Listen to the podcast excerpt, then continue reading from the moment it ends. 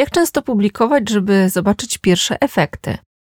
O jakich godzinach, poranki czy wieczory, a także które dni są najlepsze do publikowania postów w social media? A przede wszystkim, skąd brać pomysły na content i o czym mój odbiorca tak naprawdę chce czytać, słuchać, oglądać? To są najczęściej zadawane pytania w kontekście content marketingu. I takim często nie wprost zadanym pytaniem jest coś, co jest blokadą dla wielu osób do publikacji treści w internecie. Tą blokadą jest, w jaki sposób reagować na hejt i krytykę w internecie. I to właśnie ten temat w tym odcinku weźmiemy na tapet. Zanim zaczniemy, chciałam podkreślić, że patronem dzisiejszego odcinka jest Akademia Przedsiębiorcy, która jest projektem realizowanym przez Fundację Polska Bezgotówkowa. Nakręciliśmy już odcinki związane z social mediami dla biznesu i content marketingiem. Jak go robić, by pomagał w rozwoju biznesu? To były 51 i 52 odcinek podcastu, a dziś w 53 odcinku porozmawiamy o radzeniu sobie z krytyką, hejtem, o tym, jak można mu też przeciwdziałać. I to jest takie piękne trio, które pozwala Wam z jednej strony pomyśleć o strategii działań w social media, zaplanować content, zaplanować działania, a także poczuć się w tym bezpiecznie, więc po prostu działajmy.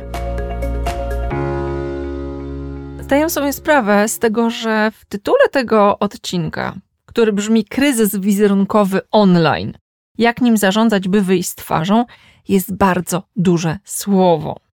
Dlaczego? Według słownika PWN-u kryzys to sytuacja, w której jakiś konflikt staje się tak poważny, że grozi wybuchem wojny, zmianą rządu lub innym radykalnym rozwiązaniem. I ja myślę, że my to słowo kryzys wizerunkowy w internecie nadużywamy, bo obserwując różnego typu właśnie zjawiska, które są nazywane kryzysem, okazuje się, że z perspektywy czasu to takim wielkim kryzysem nie było. Ale wiem, że to hasło związane z hejtowaniem, z krytykowaniem, z kwestionowaniem kompetencji, umiejętności, zdolności pewnego produktu, który reklamujemy, powoduje, że to blokuje przedsiębiorców i ekspertów do wypowiadania się w internecie, no bo nie można skrytykować i zhejtować czegoś, czego nie ma, więc jak nas nie będzie, to nas nie skrytykują. Czy to dobra strategia? Wątpię, dlatego że po drugiej stronie mamy bardzo dużą dźwignię biznesową, z której nie korzystamy właśnie ze strachu. I ten odcinek chciałabym poświęcić temu, żeby przeanalizować, co może dla nas oznaczać kryzys i tak naprawdę jak wyglądają różnego typu zjawiska w internecie, których możemy się obawiać. Przede wszystkim chciałabym pokazać Ci, jak zaplanować działania, jak rozumieć internet, żeby samemu nie powodować kryzysów. Opowiem o dwóch przykładach kryzysów. Jednego źle poprowadzonego, a drugiego bardzo fajnie, który okazał się pretekstem do tego, żeby dużo i pozytywnie mówić o firmie, chociaż wywołał go kryzys i wcale niełatwa sytuacja. A na koniec tego wszystkiego opowiem o dwóch praktycznych metodach. Metodę latte, czyli taka fajna kawka, no i metoda na 5P. To wszystko określimy pewnymi zasadami, których jeżeli będziesz się trzymał, to pozwoli ci zapanować nad takimi miejscami, które są miejscami zapłonowymi w internecie i spowoduje, że łatwiej ci będzie przeciwdziałać i nie będziesz musiał leczyć. No dobrze. Słowo kryzys to duże, duże, duże słowo i o tym już wiemy. Niewiele rzeczy w internecie można nazwać kryzysami, tak jak to opisuje słownik. Natomiast zdecydowanie mamy do czynienia w internecie z hejtem, z negatywnymi komentarzami, z krytyką, często konstruktywną, i to samo w sobie jest pewnego rodzaju darem. Mówi się o tym, że przyjaciół poznaje się w biedzie. Ja myślę, że bardziej przyjaciół się poznaje w sukcesie. A ja mam jeszcze jedno powiedzenie. Mianowicie, tylko przyjaciel powie ci, że masz brudną twarz. I chciałabym, żebyś w kontekście właśnie komentowania negatywnych komentarzy internecie w ten sposób myślał. Mianowicie ta konstruktywna krytyka, którą dostajemy w internecie, podchodzi do niej, że to może być Twój przyjaciel, że to może być osoba, której zależy. Dlaczego? Dlatego, że większości ludziom nie zależy, nie zwracają na to uwagi, mają to, że tak powiem, głęboko w depozycie. W związku z tym nie poświęcą czasu, żeby napisać ci komentarz i powiedzieć ci: Słuchaj, to może nie do końca jest ok. I taka krytyka, która wskazuje ci na konkretny błąd, jest bardzo cenną krytyką. Jeżeli jesteś osobą hojną, która takiej krytyki chce udzielać, to ja bym w pierwszej kolejności się zastanowiła, czy warto to robić publicznie. Dlaczego? Dlatego, że tego, czego najbardziej się boimy w krytyce, co nas blokuje, to są emocje związane z trudną informacją, którą dostajemy. I łatwiej się ją otrzymuje, że tak powiem, trochę na zapleczu. Prywatnie, w prywatnych wiadomościach, w prywatnych mailach, niż na forum. I tutaj kolejna zasada: chwal publicznie, gań na osobności. I jeżeli jesteś osobą, która daje krytykę, której zależy, która dba o innych, to rób to na osobności i mam nadzieję, że jeżeli spotykasz się z krytyką, to traktujesz ją jako coś, co jest dane, bo komuś zależy. I to jest dla mnie taki jeden z podstawowych elementów, których decyduje o tym, jak ja oddzielam krytykę od hejtu. Krytyka ma w sobie element, po pierwsze, merytoryczny, element intencji, które wskazują, że tej osobie zależy i ona dba o mnie, dlatego wskazuje na coś, w czym nie domagam. Natomiast hejt często atakuje, kąsa, gryzie w oderwaniu totalnie od tego, co robimy, co pokazujemy, ale uderza bezpośrednio w nas. Jest to coś, co ma za zadanie nas zdenerwować, wkurzyć, spowodować, że puszczą nam emocje, a nie wskazać na pewne zjawisko i nie prowadzi do merytorycznej dyskusji. I to jest taki główny element, o którym staram się myśleć w kontekście krytyki w internecie. I nawet jeżeli dostaję, i ostatnio był taki ciekawy komentarz, który sama otrzymałam w internecie i zastanawiałam się, jak na niego zareagować. W pierwszym odruchu, przyznam szczerze, że miałam ochotę napisać coś, co spowoduje, że tej osobie pójdzie w pięty i zrozumie, że taki komentarz jest nie na miejscu. Ale później sobie pomyślałam, halo, halo, Chimkowska, czy aby na pewno wiesz, co ta osoba miała na myśli?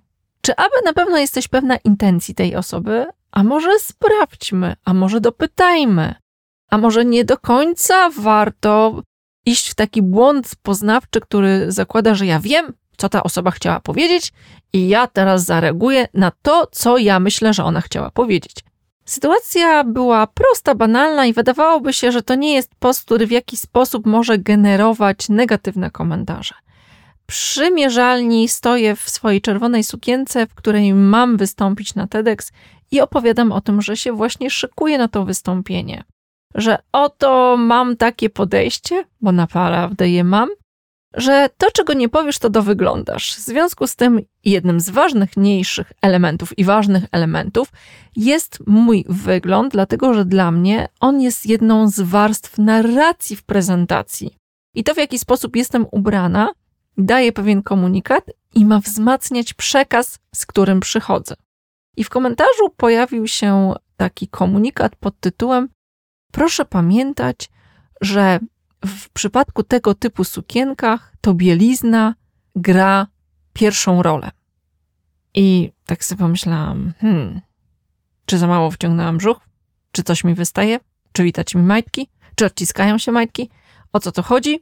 Dlaczego ktoś mi tak komentuje w poważnym wpisie na poważnym portalu LinkedIn?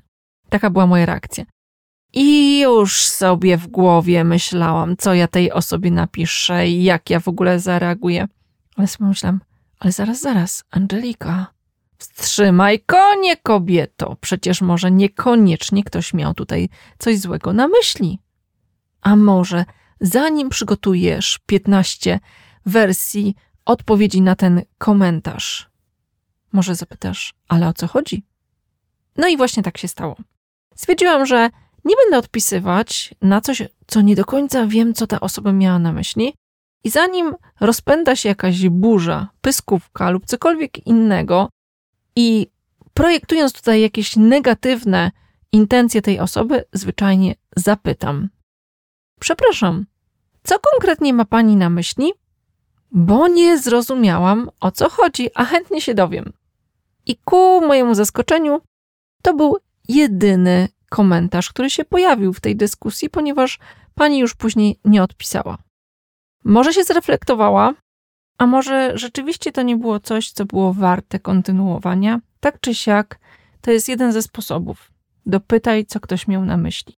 To jest jeden ze sposobów. Nie zakładaj, że ktoś od razu ma ochotę ci przywalić. Po prostu dopytaj, doceń osobę, która daje ci komentarz konstruktywny, negatywny, ale z intencją możesz zrobić to lepiej. A na hejt jednoznacznie mówię: nie reaguj. Nie reaguj, bo to jest e, odbijanie piłeczki i to stworzy się z tego internetowy ping-pong, ale też przeciwdziałaj. A jak przeciwdziałać? To najprościej jest tworzyć regulamin. Regulamin, który zakłada pewien styl zachowań, gdzie piszesz w swojej grupie, na swojej stronie, w miejscach, które do ciebie należą, że absolutnie w tym miejscu, którego jesteś właścicielem, zarządzasz, nawet jeżeli to jest grupa na Facebooku i Facebook należy do słodkiego Marka, to ty zarządzasz właśnie tą grupą, to tutaj nie ma miejsca i przestrzeni na hejt i komentarze, posty, które będą niezgodne z regulaminem, będą usuwane, co daje ci później prawo do tego typu działania. Ale zanim o takich też grubych tematach, typu hejt, typu właśnie internetowy ping-pong z hejterami i ludźmi, którzy pławią się i lubują się właśnie w internetowych pyskówkach, to chciałam powiedzieć trochę o netykiecie zachowań w internecie, bo mam wrażenie, że to bardziej jest podstawą do wszelkiego typu obaw, a celem tego odcinka jest zwyczajnie pomóc Ci bezpiecznie poczuć się w internecie, żebyś wiedział nie tyle, co wypada, a co nie wypada, ale co warto, a czego nie warto robić. I mam 10 takich zasad. Po pierwsze, coś, co jest bardzo podstawowe. Nie rób drugiemu, co tobie niemiłe. Czyli traktuj innych tak, jak chciałbyś być traktowany, jak ty byś chciał, żeby ktoś się zachował wobec ciebie w internecie. Druga rzecz. Zadbaj o poprawność językową Twoich treści, o ortografię, o gramatykę, bo to często jest podstawa do tego, żeby zostać potraktowanych przez innych jako ktoś, kto jest niechlujny. Na tej podstawie ktoś zakłada, że nie do końca może jesteś osobą myślącą i dbającą o szczegóły i podchodzi do Twoich treści i do tego, co piszesz, z pobłażaniem. Trzecia rzecz to pamiętaj, że pisanie wyłącznie wielkimi literami w internecie jest krzykiem i nie nadużywaj tego. Jeżeli chcesz w jakiś sposób podkreślić to, co chcesz powiedzieć, to warto niektóre wyrazy napisać dużymi literami, żeby uderzały w oczy, żeby pokazywały, o czym to jest i dlaczego to jest ważne, natomiast generalnie nie rób tego. Czwarta rzecz. Zwróć szczególną uwagę na treści, które mogą brzmieć dwuznacznie i nie polecam w związku z tym stosowania w internecie ironii, aluzji, podtekstów, żarcików, które mogą być właśnie źle zrozumiane. To niestety może być takie zarzewie konfliktu. Piąta rzecz. Nie obrażaj innych nawet w formie żartu. Nie spamuj. Czyli nie wrzucaj w komentarzach linków do oferty, do swojej strony, Nie wrzucaj takich pościgów na grupach, które niby tak pół żartem, pół serio opowiadają o Twojej ofercie i zbliżającym się webinarze. Nie spamuj łańcuszkami szczęścia, złotymi myślami biznesowych celebrytów, bo to naprawdę jest słabe. Nie włączaj ludzi bez poinformowania ich o tym do grupowych rozmów. I zawsze, to jest po ósme, jak wchodzisz do jakiejś zamkniętej grupy, zapoznaj się z regulaminem danej grupy, bo one nie są uniwersalne, po to, żeby nie złamać jakiegoś bezwzględnego zasadu. I stosuj się po prostu do regulaminu, który został stworzony przez założycieli lub założyciela. Zanim zadasz kolejne pytanie w grupie, zanim kolejny raz napiszesz o czymś, co jest znane, sprawdź, co już istnieje, po to, żeby nie irytować innych ciągle tą samą powtarzającą się treścią. I ostatnia rzecz. Umieszczanie linków do Twoich produktów lub informacji, które są niezwiązane z tematem, który jest głównym tematem jako post, jest zwyczajnym spamowaniem, więc proszę nie rób tego. Już powiedziałam trochę o tym, jak odróżnić krytykę od hejtu. O, powiedziałam o intencjach, ale chciałam Wam też powiedzieć o tym, jak odróżnić dobrze poprowadzony kryzys, dobrą reakcję na kryzys od tego złego. I tutaj mi przychodzą na myśl dwie sytuacje. Pierwszy najpierw ten zły, bardzo słynny case, który został już w branżuni, że tak powiem, nazwany Panasonic, czy dobrze się bzyka.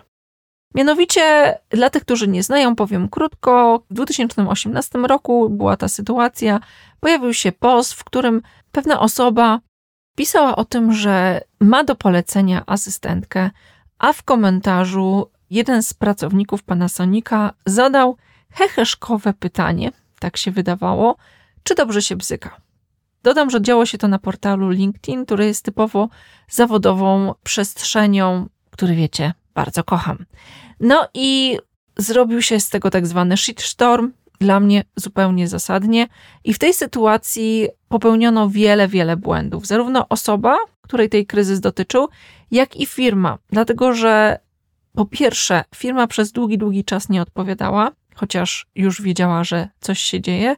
Szła w strategię pod tytułem to jest prywatna opinia naszego pracownika, nie będziemy się w to mieszać. Ale kiedy w końcu trafiło to na wszystkie portale, strony gazet internetowe i już wszyscy o tym wiedzieli, firma wystosowała oficjalny komunikat na swoich stronach. I tutaj taka jedna podstawowa zasada. Tam, gdzie się dzieje kryzys, tam reagujemy, tam się pojawiamy i tam zaczynamy działać. I ta zasada tutaj została złamana i to spowodowało, że to wszystko popłynęło. Drugi przykład to było Cofinero. Cofinero bodajże w tym samym roku, czyli w 2018, miało sytuację, w której było bardzo, bardzo gorące lato i w jednej z jej kawiarni osoby zatruły się do tego stopnia, że wylądowały w szpitalu z zagrożeniem salmonelli. I to, co było fantastyczne w reakcji firmy na tą sytuację, to było to, że firma nie szła w zaparte. To znaczy nie mówiła, słuchajcie, gdzie macie paragony, że to u nas jedliście te ciasta, a może zatruliście się kiełbasą obok i tak dalej. Tylko zrobiła dokładnie odwrotnie, w myśl z dobrych zasad, a jakich to za chwilę ci powiem. Mianowicie wtedy zupełnie dobrze zareagował szef, który wziął swój telefon komórkowy, postawił go na telefonie i nagrał krótkie nagranie, w którym powiedział, że jest mu bardzo przykro, że w latem, kiedy ktoś mógłby leżeć na plaży, leży teraz w szpitalu, więc on uważa, że w tej sytuacji tej osobie jest bardzo źle, bardzo trudno i mu jest przykro, że ta sytuacja wydarzyła się w jego kawiarniach, w kawiarniach, w naszych kawiarniach i że firma poczyni odpowiednie kroki, że ubezpieczyciel się skontaktuje, że wszystko zostanie wyjaśnione, a przede wszystkim, że zostaną podjęte konkretne kroki, żeby ta sytuacja więcej się nie powtórzyła. I duże case'y, duże sytuacje, a tak bardzo inaczej poprowadzone. I gdybym miała Wam powiedzieć o dwóch zasadach, jakie są uniwersalne. I tutaj odróżniają dobre poprowadzenie kryzysu od złego poprowadzenia kryzysu, Tak jak w myśl z tego, co pisał Dostojewski w Anni Karaninie, że szczęśliwe rodziny są w gruncie do siebie podobne, a nieszczęśliwe są nieszczęśliwe na swój sposób, no to te dobrze poprowadzone sytuacje kryzysowe działają zgodnie z zasadą latte, którą obiecałam, i ona oznacza pięć takich kroków. Ten skrót latte pochodzi od pierwszych e, słów, czyli listen, acknowledge the problem, take problem solving action, thanks, encourage to return and explain what you are done. Pierwszy etap, czyli listen.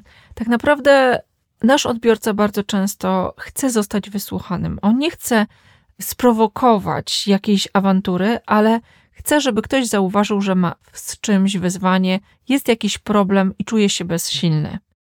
Druga rzecz to jest acknowledge the problem. To oznacza przyznaj się do problemu, do błędu i wiem, że nikt tego nie lubi. Nikt nie lubi przyznawać się, że popełniliśmy błąd, że się myliliśmy, że nie jest tak, jak mówiliśmy i wskazujemy na pewną niespójność. Ale jest to absolutnie niezbędne, żeby przeprosiny były szczere i by były odebrane jako takie, które są uznane za jako przeprosiny, a nie sorry without sorry. Następny krok to take action, czyli pokaż, że to nie są tylko słowa, ale idą za tą konkretne działania. Powiedz, co zrobisz, co planujesz zrobić, co planujesz naprawić. Przedostatnia rzecz to thanks, czyli podziękuj za to, że w tej sytuacji możesz wykorzystać do tego, żeby w przyszłości być, zrobić coś lepiej i wykorzystasz tą sytuację na pewno i podziękuj tej osobie. I ostatnia rzecz, encourage to return, czyli zachęć do tego, żeby ktoś wrócił. Jeżeli rzeczywiście prawdziwie kogoś wysłuchałeś, jeżeli przyznałeś się do błędu, jeżeli podjąłeś działanie, podziękowałeś, to w tej sytuacji i masz odwagę powiedzieć: Dziękuję, cieszę się, mieliśmy okazję po tym porozmawiać, jesteś dla nas ważny, wracaj, bo to, co robimy, robimy dla ciebie. I to jest zasada, która w większości przypadków się sprawdza i jest uniwersalna wręcz. Jest jeszcze zasada 5P, mianowicie przeproś, przygotuj się, przeciwdziałaj, popraw się i powetuj, która jest bardzo, bardzo podobna do tego, co już opowiedziałam. W notatkach do tego odcinku podcastu opiszę drugą metodę 5P, więc jeżeli chcesz więcej, to zapraszam. A ja chciałam Ci jeszcze opowiedzieć o tym, jak przeciwdziałać kryzysom, szczególnie w firmie, jeżeli firma to nie tylko my, ale też ludzie, którzy tam są zatrudnieni. To po pierwsze jest coś takiego jak polityka zachowań w social media. To jest coś, co jest absolutnie must have w każdej firmie. Coś, co reguluje, w jaki sposób wypowiadamy się, o czym mówimy, w jaki sposób komunikujemy się z naszymi klientami, a także, uwaga, konkurencją w internecie. Taka polityka może mieć wzór i być przygotowana przez prawników, często w dużych organizacjach ma, ale ja uwielbiam, kiedy polityka zachowań w social media to jest taki po prostu dziesięcio przykazaniowy flipchart, który wypracowujemy sobie wspólnie na jakimś spotkaniu i tych zasad się trzymamy. Jakie to są zasady? To po pierwsze, po co nam polityka social media? Dlaczego firma wykorzystuje social media? Jakie są oficjalne kanały i konta mediów społecznościowych? Kto może wypowiadać się w imieniu firmy? Jakie wytyczne obowiązują pracowników w mediach społecznościowych, czyli co mówimy, a czego nie mówimy? Jakie są do and don't, czyli co robić, a czego nie robić w mediach społecznościowych, właśnie chociażby netykieta zachowań w social mediach. Kto jest ambasadorem w firmie? Jak radzić sobie z pozytywnymi i negatywnymi komentarzami? Możecie odesłać do mojego odcinku podcastu. Czy piszemy otwarcie, dla kogo pracujemy i czy istnieją jakieś tematy, które są objęte tajemnicą firmy? Całą tą listę też zawrę w notatkach do podcastu. Z mojej strony jeszcze dwie rzeczy. Po pierwsze, zadbajcie o monitoring internetu, żeby wyłapywać, coś na bieżąco mówi się o firmie, bo najlepsza reakcja na kryzys to szybka reakcja, przeciwdziałanie, sprawdzanie, kto się wypowiada i co mówi. I ostatnia rzecz to jest wsparcie kryzysowe. Jeżeli się nie do końca dobrze czujecie w sytuacji, w której ktoś negatywnie reaguje na komentarze, urządza pyskówki, w sytuacji, w której wasz klient jest negatywnie nastawiony z zasady i są branże, w których to istnieje, chociażby branża, z którą współpracuję na co dzień, branża ubezpieczeniowa. Tam jest po prostu jadka często w komentarzach. Są ludzie, którzy po prostu jakoś lubują się w tym, żeby pisać pod postami wszystkich firm ubezpieczeniowych i nie ma jednej, która ma najwięcej negatywnych komentarzy. Po prostu taka to jest branża, gdzie klient często właśnie ulewa sobie w internecie. Jest mnóstwo podobnych branży. To przede wszystkim zainwestujcie, żeby wyszkolić wszystkich pracowników, w jaki sposób mają reagować, szczególnie tych, którzy moderują komentarze. Druga rzecz, Wejdźcie we współpracę z agencją, która specjalizuje się w zarządzaniu kryzysami i działa 24 godziny na dobę, że w momencie, kiedy pojawi się kryzys, a jak wiecie, kryzysy najlepiej lubią weekendy, to żeby ktoś profesjonalnie się tym zajął, żeby nie pojawiła się z tego jakaś gigantyczna burza, tak zwany shitstorm w internecie. To wszystko w dzisiejszym odcinku podcastu. Bardzo dziękuję. Liczę na Twoje komentarze, na udostępnienia, na polajkowanie i obserwowanie mojego podcastu, bo z nowym rokiem będzie jeszcze więcej dobra, które będzie budowało Twoją silną markę. Pozdrawiam i do usłyszenia w kolejnym odcinku podcastu.